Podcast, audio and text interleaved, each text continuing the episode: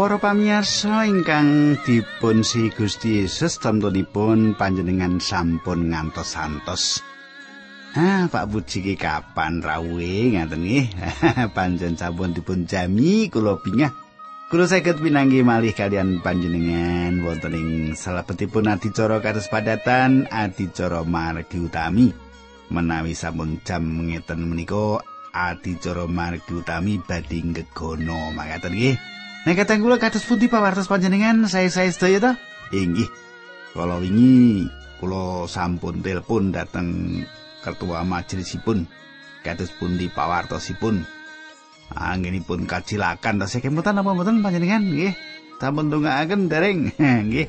Nah, rupinipun dipun rawat wonten griya nggih. Mboten dirawat dateng pundi-pundi nggih. Nah kata kula ingkang kula tresnani monggo panjenengan nyaket kalian kula mriki sugeng midhangetaken adicara menika.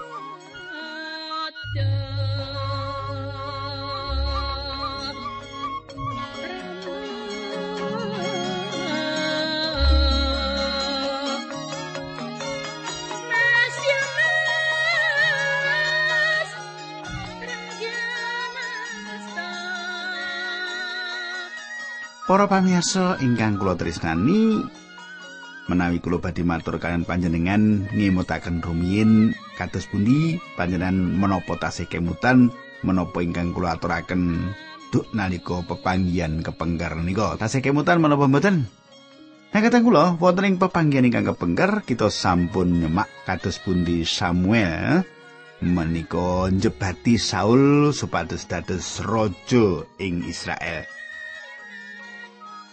Nah, menika selaras kalian menapa ingkang dipun suwun bangsa Israel menika. Nah, badhe kita lajengaken nanging saderengipun menika kita ndedonga ning apik menawa kula badhe ngaturaken salam rumiyin nggih.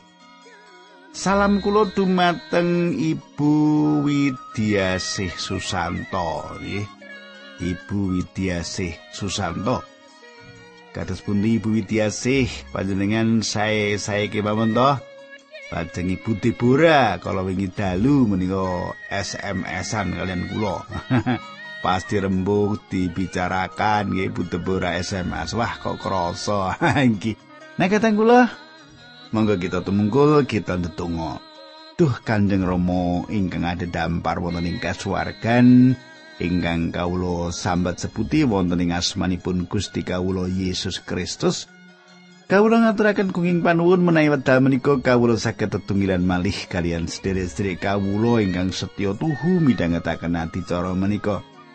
Kawula ndongaaken mliginipun sedherek-sedherek kawula ingkang samenika kedah sakit awit saking alangan menapa kemawon kawula nyuwun supados Gusti mitulungi Gusti nyataken lan Gusti nyarasaken. Linambaran asmanipun Gusti Kawula Yesus Kristus kawula nyuwun supados sadicara menika paduka jebati. Haleluya. Amin.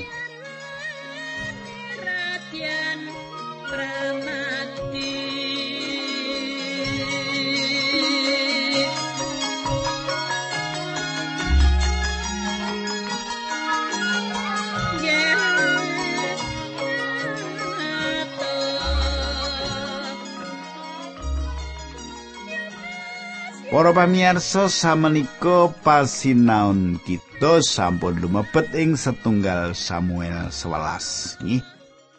Kita mboten kraos sampun lumebet ing setunggal Samuel 11.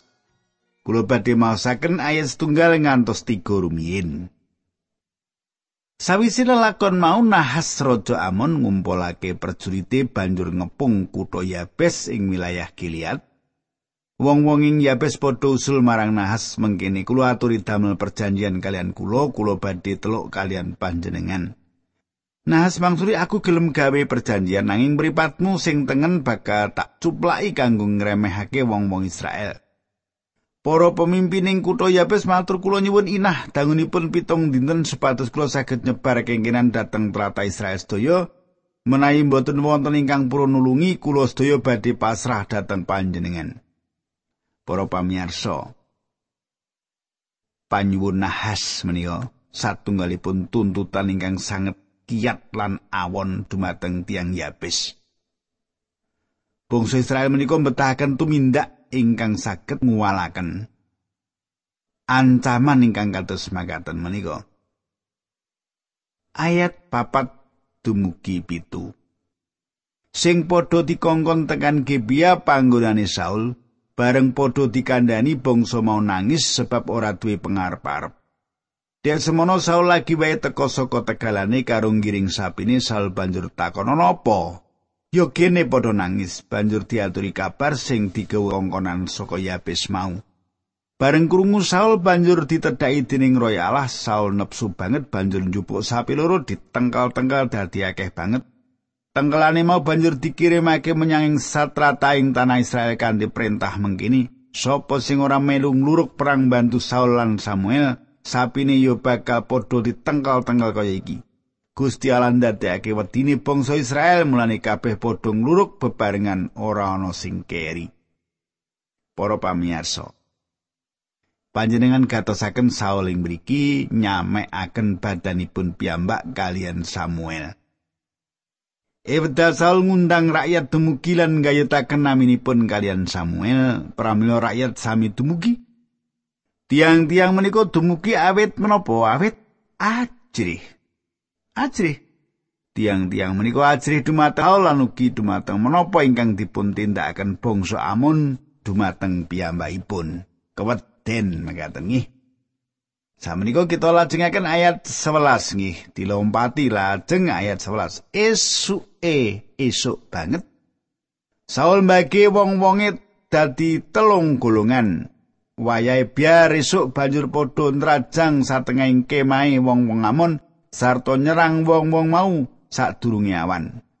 Wong-wong amon sing bisa lolos padha biar pating selebar nganti ora ana wong loro sing bisa mlayu bebarengan.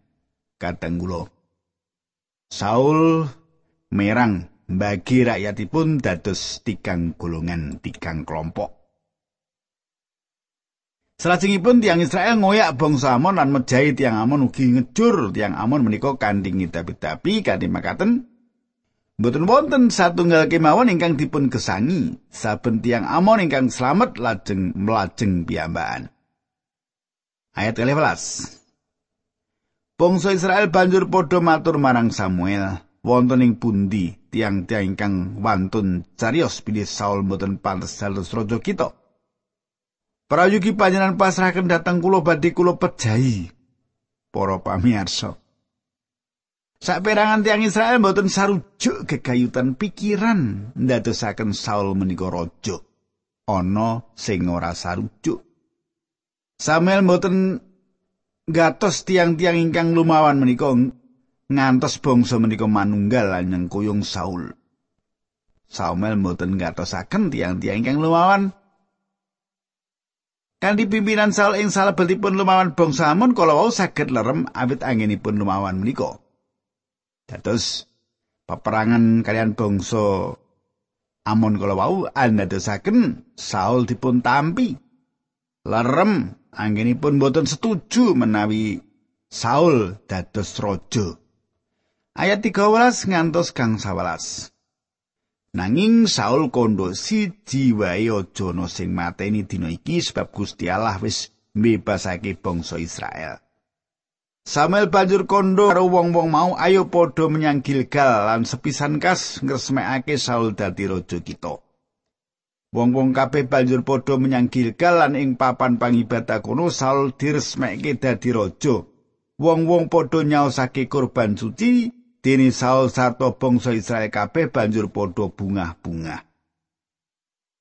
Kadang kula samenika sedaya tiang Israel sampun nampeni Saul minangka rajanipun.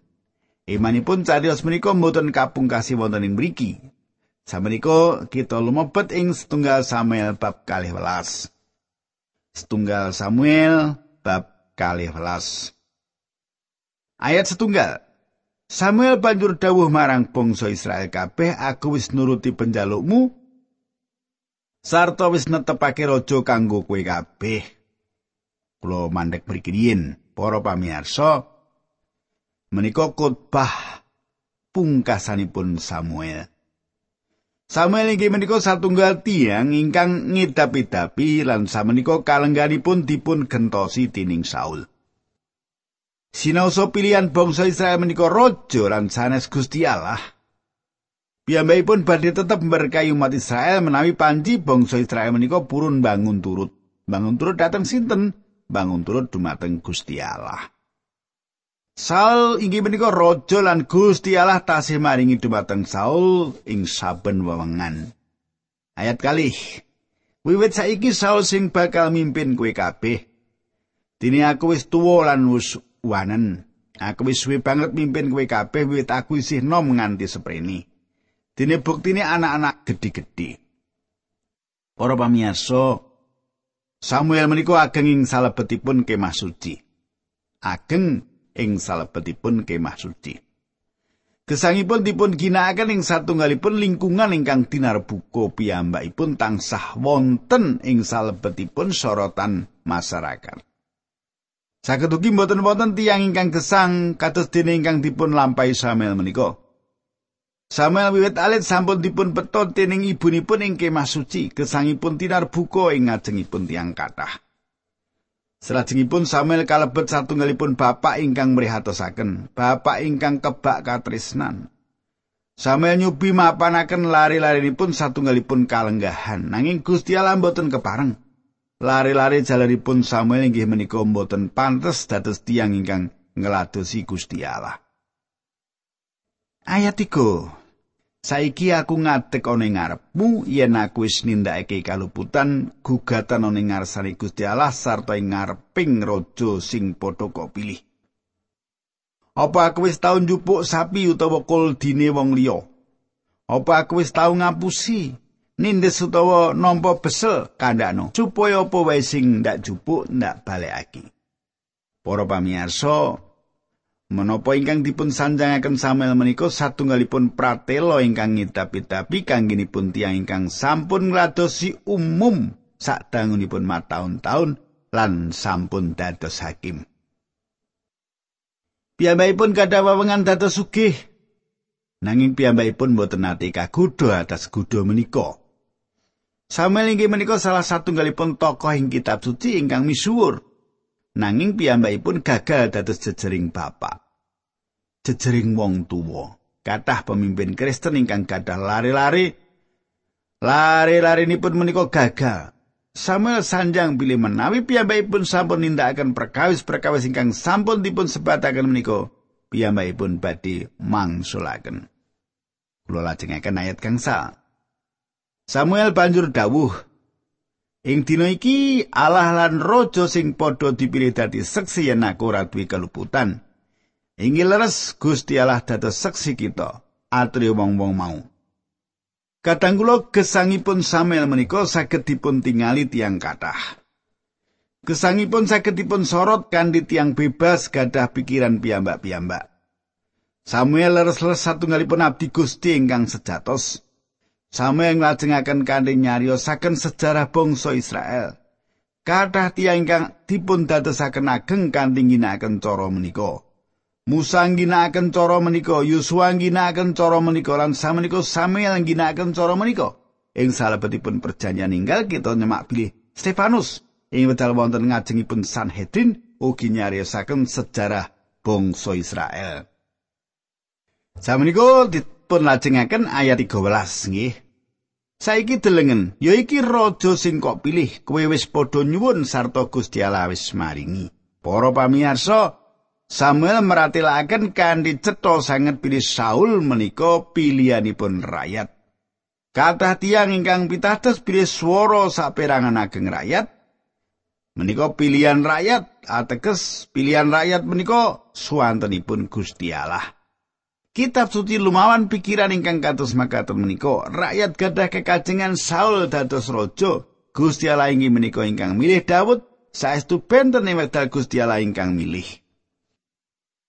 Sabenika satunggal Samuel kalih welas ayat kawan welas nggih padha tentrem uripmu. Semoso padha ngabekti marang Allah ngrungokake lan bangun turut marang dawe apa maneh yen kowe kabeh lan rajamu tetep nindakake dawe Allahmu Kadang kula namung awit Saul menika pilihanipun rakyat, Gusti Allah mboten badhe nampik Saul menika. Gusti Allah badhe maringi Saul satunggalipun wewengan. Ayat kang 11 kosok barine yen padha ora ngrungokake dawuh Gusti Allah. Kuwi lan rajamu mesti bakal dilawan tining Allah. Para pamirsa, Samuel sanjang menapa wontenipun? Menawi rakyat panci badhe ngladosi Gusti Allah, Gusti Allah badhe berkahi bangsa menika. Menawi bangsa menika mboten purun ngladosi Gusti Allah, paukuman badhe nempuh bangsa menika. Samenika Gusti Allah paring tanggapan lumantar cara ingkang mrihatosaken lan kanthi cara mukjizat. Ayat 16 17 18. Saiki aja lunga dhisik, gatekno kaeloan gedhe sing bakal ditindakake dening Gusti Allah. Aku bakal nyebut marang Gusti Allah lan senajan saiki mangsa ketiga Allah bakal nekake geluduk sarta udan minangka wangsulane pandung aku. Ing wektu kuwi kowe bakal padha rumangsa sepira gedine dosamu marang Allah merga nyuwun anane raja. Samuel banjur ndedonga lan ing dina iku uga Allah nekake geluduk lan udan bangsa kabeh padha wedi marang Allah lan marang Samuel. Kadang kula Elia mboten ingkang kawitan saged ndatengaken angin prahara. Piyambakipun sampun nate ndatengaken satunggal prahara nanging Samuel nindakaken ndatengaken angin prahara menika saderengipun Elisa. Menika inggih menika cap Allah atas kesangipun Samuel. Ayat 19 banjur padha matur marang Samuel, "Bapak, kula panjenengan tulungi supados kula sampun ngantos sami pecah." Samenika kula sami ngrumaosi dosa kula saha kula sampun sami damel dosa malih inggih menika nyuwun keparingan raja. Kadang kula bangsa Israel ngrumaosi dosa awit anginipun nyuwun raja. Bangsa Israel menika nampik Gusti Allah kanthi nyuwun raja ingkang merintah atas piyambakipun kados bangsa-bangsa sanes. Ayat kali dosa Samuel mangsuli aja padha wedi. Senadan kowe wis padha nglakoni saking piala aja padha ngemohi Gusti Allah. Nanging tetepo ngabdi kanthi gumolong ing atimu marang panjenengani. Kadang kula ampun ngejaraken dosa lan kalepatan menika ngrisak gesang panjenengan. Sinten to panjenengan menika? Utawi menapa ingkang sampun panjenengan tindakaken menawi panjenengan manungkul dumateng Gusti, purun nampi kawilujengan lan pangapunten saking panjenenganipun Gusti Allah badhe nampi panjenengan lan berkahi panjenengan kanthi luber-luber. Ampun ngantos lampan kepengker ingkang sampun panjenengan lampahi menika ngancuraken mangsa tembe panjenengan lan ngrisak gesang panjenengan ing wekdal samenika. Ayat likur aja padha manut dewa-dewa sing ora bisa nulungi lan nyelametake kowe sebab panjenengan ya ora ana. Para pamirsa, Monggo panjenengan namung suminde dumateng Gusti. Ampun ngantos panjenengan suminde dateng satunggalipun bab ingkang boten cetha. Ing jaman samenika gereja sawek nindakaken cobi-cobi kanthi samukawis cara. Gereja ketinggalipun boten emut. Bilih namung Gusti Allah ingkang saged berkahi. Kita perlu cepengan dumateng Gusti lan pangandikanipun. Kitab suci perlu dipun cetaken, pangandikanipun Allah perlu dipun gelaraken. Ayat kali likur, Gusti Allah wis sumpah yen ora bakal nilar kowe kabeh sebab wis mutusake kowe kabeh dadi umat kagungani. Kadang kula ayat menika satunggal ayat ingkang agung menapa panjenengan sampun beto kanthi asmanipun Gusti? Menapa panjenenganipun sampun dados juru wilujeng panjenengan? Menapa gesang panjenengan sumindi dumateng panjenenganipun? Panjenenganipun boten nyopekaken panjenengan Gusti ngendika lumantar priyantun ingkang nyerat serat Ibrani. Ibrani 13 ayat kang cal. Kowe aja padha karem bondo padha marmo karo apa sing kok duweni. Awit Gusti Allah wis ngendika aku ora bakal nikahake kowe lan kowe ora pisan-pisan bakal ndak tilar. Katang kula kados menapa anggenipun ngidapi-dapi Gusti kita menika. Panjenenganipun keparengan tetesaken kita minangka umat kagunganipun. Kenging menapa Gusti Allah milih bangsa Israel? Kadang kula ing wedal panjenengan madosi jawabanipun panjenengan kedah ningali Gusti Allah mboten ningali bangsa Israel. Saged ugi Gusti Allah milih panjenengan lan sawetawis saking menika ngrencang panjenengan tanglet ing manah. Menapa to alasanipun kok panjenengan dipun pilih? Perkawis ingkang penting piyambak inggih menika pilih Gusti Allah milih kita lan menika kula raos sampun cekap. Panjenengan ngaturaken gunging panuwun dumateng Gusti Allah atas kapilihipun panjenengan menika. Gusti Allah saged kemawon boten ngatosaken kula nanging kula asukurna ing kasunyatan bilih panjenenganipun boten kados mekaten menika. Pawartos menika saestu ngedapi-dapi. Menapa panjenengan boten rumaos bejo wonten pihakipun Gusti Allah? menapa mboten ngidapi-dapi antawisipun panjenengan lan panjenenganipun dados mitra panjenenganipun bilani panjenengan lan mboten lumawan panjenengan panjenenganipun ngersakaken mitulungi panjenengan kajawi sang juru wilujeng panjenenganipun dados juru pitulung ingkang ngidapi-dapi panjenenganipun milujengaken tiang ingkang ical Ayat 21 Dini aku muga-muga aku ora gawe dosa marang Gusti Allah mergo mandek nggonku ndedonga kanggo kuwi.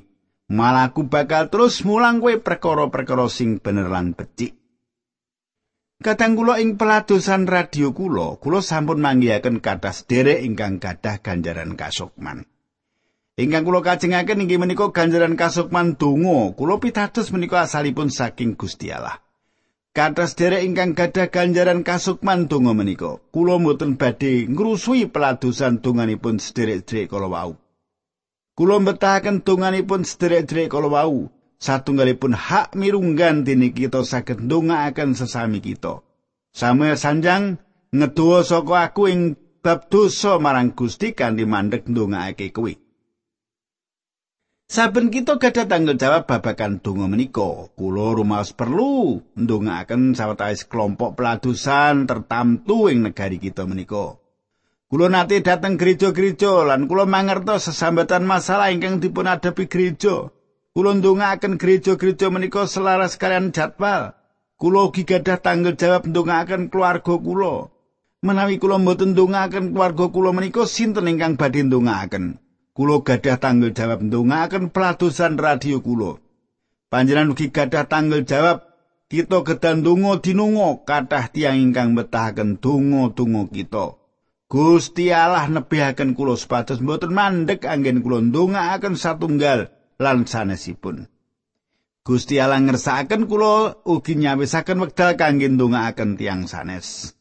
Samenika ayat kawanikur ngantos langkung Gusti Allah padha urmatana lan kowe padha ngabdiya marang panjenengane kanthi setya lan gumolong ing atimu.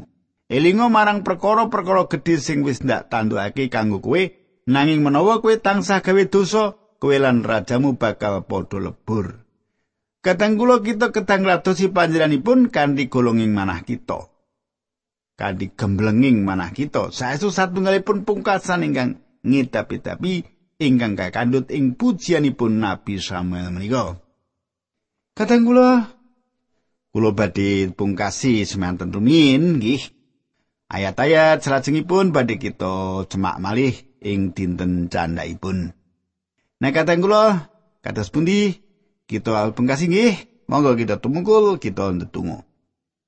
Dukan yo Rama ing swarga kawula ngaturaken gunging panuwun menawi wekdal menika kawula saged tetunggilan kawula saged midhangetaken sabdo pangandikan paduka. Matur nuwun sanget atas pitulungan paduka Gusti. Dinambaran asmanipun Gusti Yesus Kristus kawula ndedonga. Haleluya. Amin.